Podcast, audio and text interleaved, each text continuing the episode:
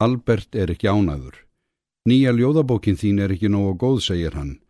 Það er að vísu ekkert út á formið að setja, því þú kantitt fag í þeim efnum, en hér syndra engir neistar úr afli eins og í brotum úr speiklu ömmunar. Það rétt týrir í glóðastöku stað. Þú ræður hvort þú móðgast, en þessi bók þín græðir ekkert á því. Mér tóst að fáum hann að sæmilega dóma, eins og þér er kunnugt, og hún selst út á þínar fyrir vinsældir, en þú verður að taka þig betur á næst, önnur bók í sama dúr og þú ert slegin út. Þú verður að skara í öskuna og bæta nýjum eldi við því á glóðina. Þú mátt ekki gleyma því að það er veðjað af fleirum en mér á fleiri en þig. Þetta er að verða hans ær og kýra setja sig á háan hest og hafa uppi umvandanir eins og þólandin sé tregáfaður krakki sem á bátt með að læra og skilja leksíurnar sínar svo að kennarinnum líki. Telja hann eitthvað í húfi, getur hann beitt valdi sínu að því tillitsleysi að sagbortningnum finnst hann standa strípaður eftir, með það úrræð eitt til að skíla nekt sinni, að sætta sig við hlutskipti sitt og freysta þess að kæra sig kollóttan. Ég er ekki að skella skuldinni á alviskuna, heldur Albert áfram. Hún hefur þegar gert sitt gagn að því hún kom einmitt á réttum tíma til að leysa af holmi úreldan átrúnað sem endur fættri þjóð var engin akkur í að burðast með lengur. Kanski var hann góður og gildur og meðan hún átt ekki upp til hópa til næsta máls og sætti sig við hlutskipti sitt. Í þeirri trú að með armóð sínum væri hún að auðra saman í innistæðu og himnum.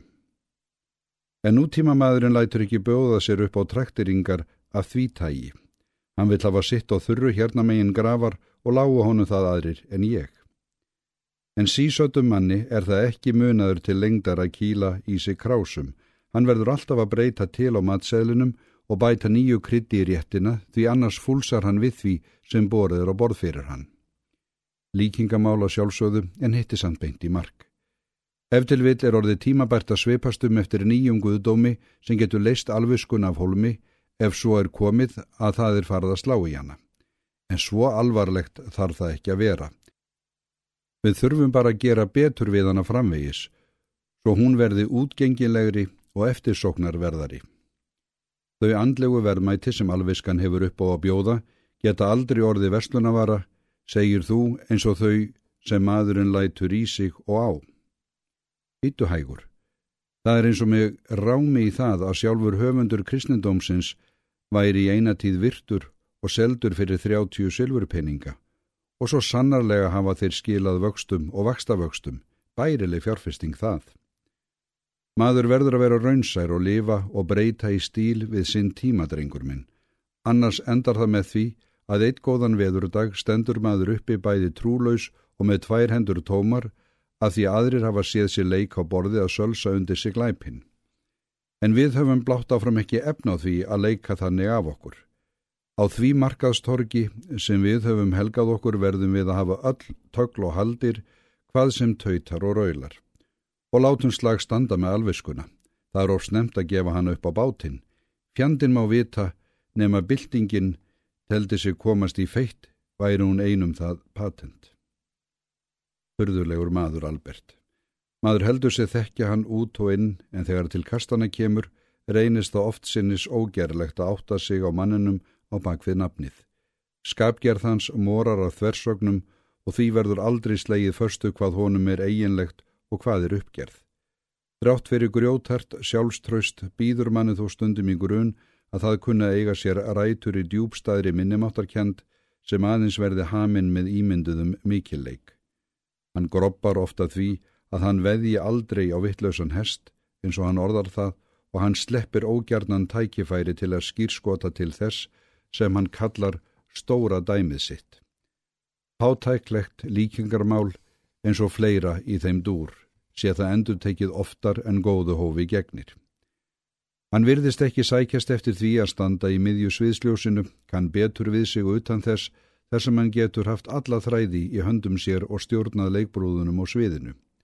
Hann er kvortveggja í senn kærulaus um ytra útlitt og hégómlegur, gengur ætið í sólaþykkum og hælaháum skóm til að sínast herri í loftinu en hann er. Í skrifstofa hans hangir konungur dýrana enþá í ramma sínum á vegnum að baki hans í spauilegri þversögn við mannin sjálfan. Hann er enþá kallaður ljónið af þeim aðdáendum sem mikla hann fyrir sér þótt enginn hafi hugmyndum það lengur hvernig svo þjóðsaga var til og náða festa rætur. Nú er hann aðeins háðsmerki aftan við nafnið Albert eftir að það kom á daginn að hann þóler ekki að sjá blóð. Það verður ekki undan því skotist að hitta hann oft starfsins vegna, þótt ekki þurfa að mæta reglulega í vinnuna upp á dag og stund. Mestanpart er hún í því fólkin að lesi ver handrit og prófarkir og láta honum í tíu umsagnir og tillögur sem hann tekur ekkert mark á fram yfir það sem honum þoknast. Hann á það til að lítinn og æmilega án þess að gera bóð á undan sér. Sjaldan lýsir hann ákveðnu erindi en oft sinnis dokar hann við drjúastund og talar eins og hann hafi komið í þeim tilgangi einum að létta þar af sér. Hann þykkur gerðnan í glas en drekkur aldrei svo á honum sjáu.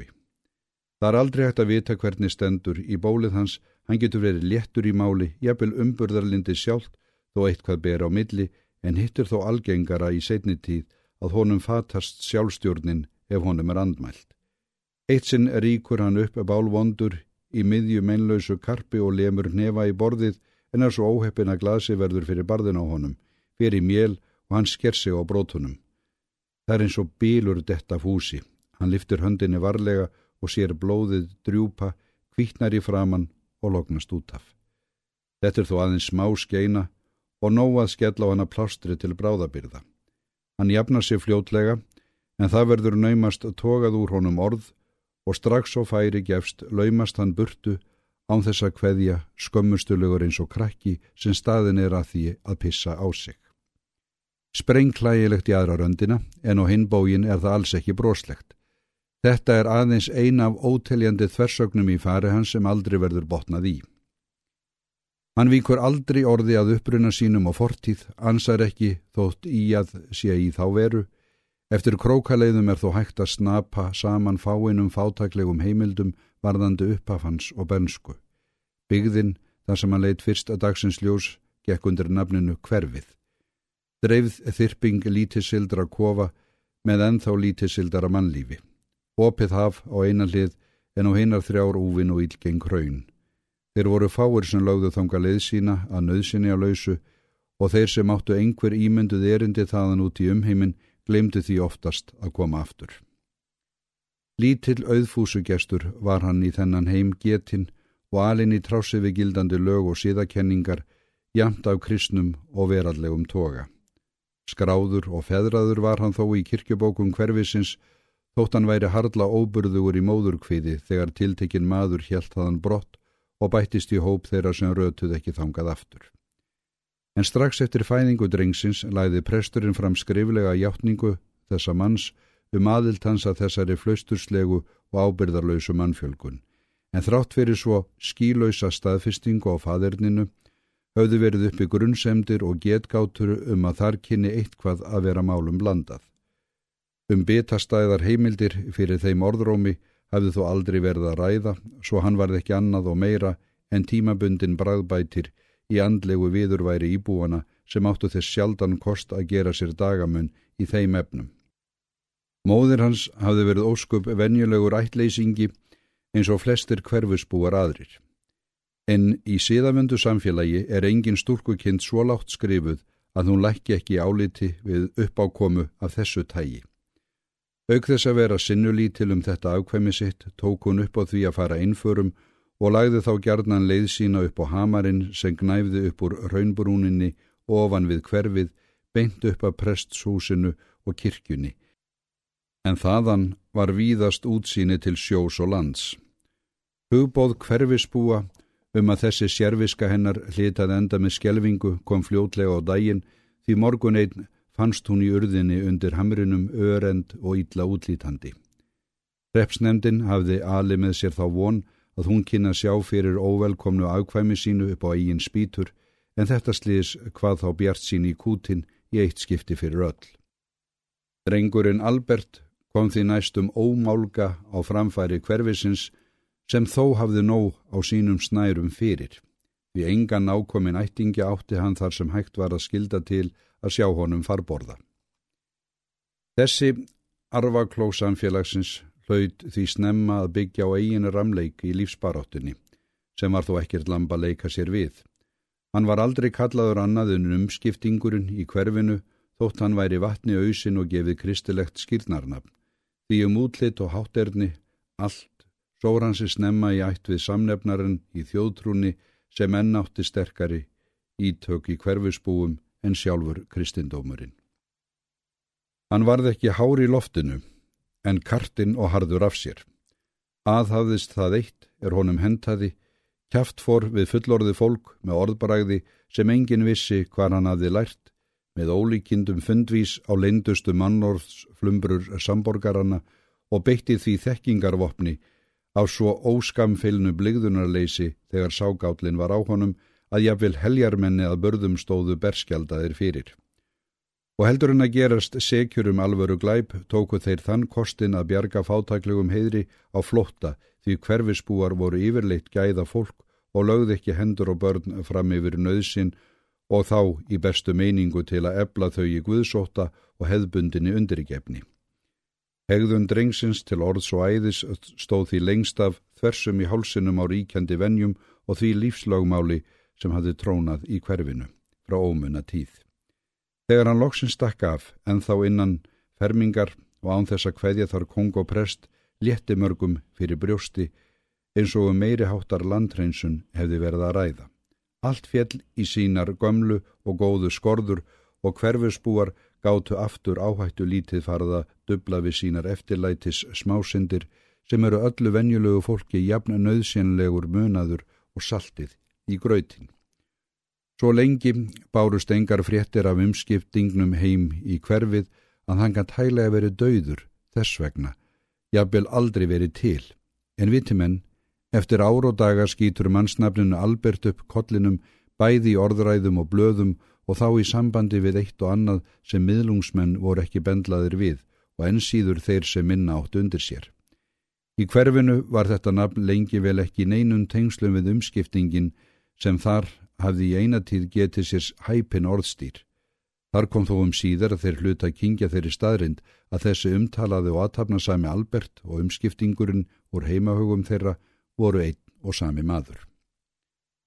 Það var því ekki að orsaka lausu að þessi óvænta opimberun hljóf fyrir brjóstið og mörgum hverfisbúanum sem að óupplýstu máli hefði lagt sáluhjálp sína að veði fyrir því að það gæti nokkru sinni orði maður úr því líku afstyrmi. En nú, þegar hann var sannarlega orðin einna framámennum þjóðarinnar, hlutu þeir að taka sitt gamla mat á honum til rækilegra rendurskoðunar. Og eins og komið var, gat niðurstaðan aðeins orði svo einn að þeir hefðu alltaf vitað upp á hár að hann hefði verið óvenjulegur drengur með óvenjulega hæfileika sem myndu endast honum til að komast á græna grein.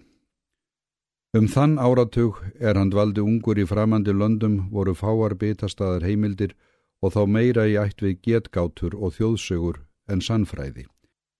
Þegar öllu var á botnin kvöld skipti þetta óbrúaða bil hardla litlu máli því svo lengi var hann búin að leika höfuðpersonuna í gamla ævintýrinu um kotastrákin sem hófst til vex og valds af eigin atgjörfi. Í persónu hans sannaði einstaklingsframtækið ágæti sitt með pottjættum rökum og engin var sannfærðar um það en hann sjálfur að hann hefði yfirburða hlutverkjað gegna sem réttlæti óskorað vald hans þar sem hann kaus að beita því. Eftirvill heldur Albert sér laung og óháðan uppruna sínum. En þar yfir sérst honum, því draugurinn sá á það til að gera honum þann grikka skjóta upp kolli, hann getur byrst sem ómótstæðileg þörf fyrir að slaka þar á aðhaldinu til að lena á innri þrýstingi sem ekki verður haminn og kann að speiklast í götustrákslegum hugdettum og grófu orðbræði. En það er fyrst og fremst undir fjögur augu og eiru sem hann leifi sér þann munað að gefa strák sínum lausan taum. Það er skilt að játa með nokkuru tregðu þó að fyrir atbeina Alberts skipar maður virðingarsæti á skaldabekk þjóðarinnar og það breytir ekki máli þótt einhverju telji mann þar í vafasöfum rétti. Maður er skráður ágóða megin í stóra dæminu hans, kannski eitt innan tómt null, en í höndum reiknimeistara getur eitt null riði bagamunnin þegar kemur að útkomunni.